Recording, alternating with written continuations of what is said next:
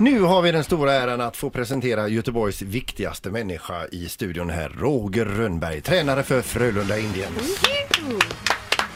Så Hör välkommen. du eh, Roger vad han eh, säger här, Peter? Ja, det är kul att det finns en som tycker så i alla fall. Ja, Nej, men det finns säkert flera. Ja, kanske en till då.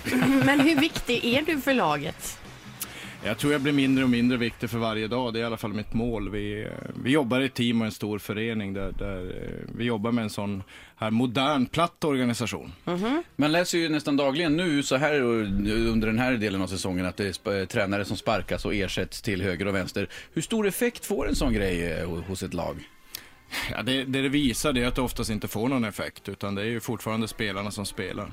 Ja, det är så. Ja. Ja. Men eh, Roger har, sitter ju på ett eh, 50-årskontrakt här. Det är lätt att vara kaxig här va? Hur bra går det för Frölunda just nu, för de som inte vet?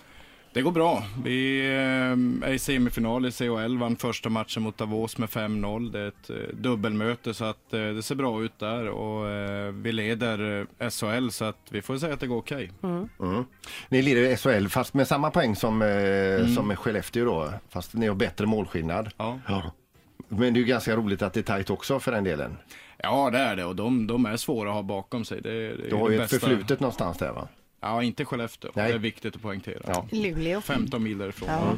Men just det här med att vinna SHL, hur viktigt är det? För alltså, det, alltså, ni, då får man ju typ, känns det som en klapp på axeln och, och, och en plakett. Men någonstans så, så kanske det finns någon sportslig viktig grej i det också. Ja, alltså vi, vi älskar ju att tävla. Va? Det, är- det är därför man håller på med det här. Så man, man vill ju vinna varenda period, varenda match och givetvis vinna serien. Det, det, det är viktigt för oss som är i det och det betyder ju att vi gör någonting bra. Sen eh, det optimala målet är ju att eh, vinna SM-guldet i, i vår då, så att eh, det har ingenting med det att göra så att vi blir väl inte för, för kaxiga om vi skulle lyckas vinna serien.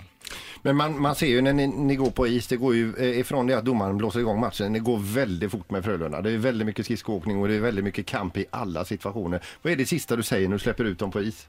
Ja, det är att det är vi som styr. Motståndarna får anpassa sig efter oss. Vi, eh, vi har ett spel där, där vi ska se till att det händer saker, inte vänta på att motståndarna gör oss misstag. Så att eh, se på hockeyn offensivt, se till att vi ska vara det lag som styr.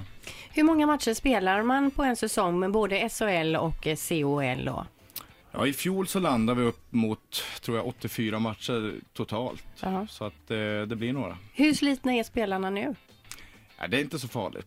De är tränade för det här så att de, eh, de mår inte bra när de är lediga brukar jag intala mig själv. Det är ganska, Det är bra. en- när man hör det är det ändå ganska kul att tänka på hur de brukar gnälla i allsvenskan i fotbollen när de säger att de har två matcher på, på en vecka och så har ni det konstant i, under en hel säsong i stort sett. Ja, det, det går inte att jämföra. Det, hock, hockeyspelare spelar oftast eh, 20 minuter på en match medan fotbollsspelare spelar hela 90 och lite tyngre underlag för en fotbollsspelare så att vi ska nog ödmjukt konstatera att det kanske sliter mer. Vad fint sagt Roger, tycker jag. Ja, jag försöker jobba på den här sidan. Ja. Ett poddtips från Podplay. I fallen jag aldrig glömmer djupdyker Hasse Aro i arbetet bakom några av Sveriges mest uppseendeväckande brottsutredningar. Går vi in med hemlig telefonavlyssning och, och då upplever vi att vi får en total förändring av hans beteende. Vad är det som händer nu? Vem är det som läcker? Och så säger han att jag är kriminell, jag har varit kriminell i hela mitt liv men att mörda ett barn, där går min gräns. Nya säsongen av Fallen jag aldrig glömmer på Podplay.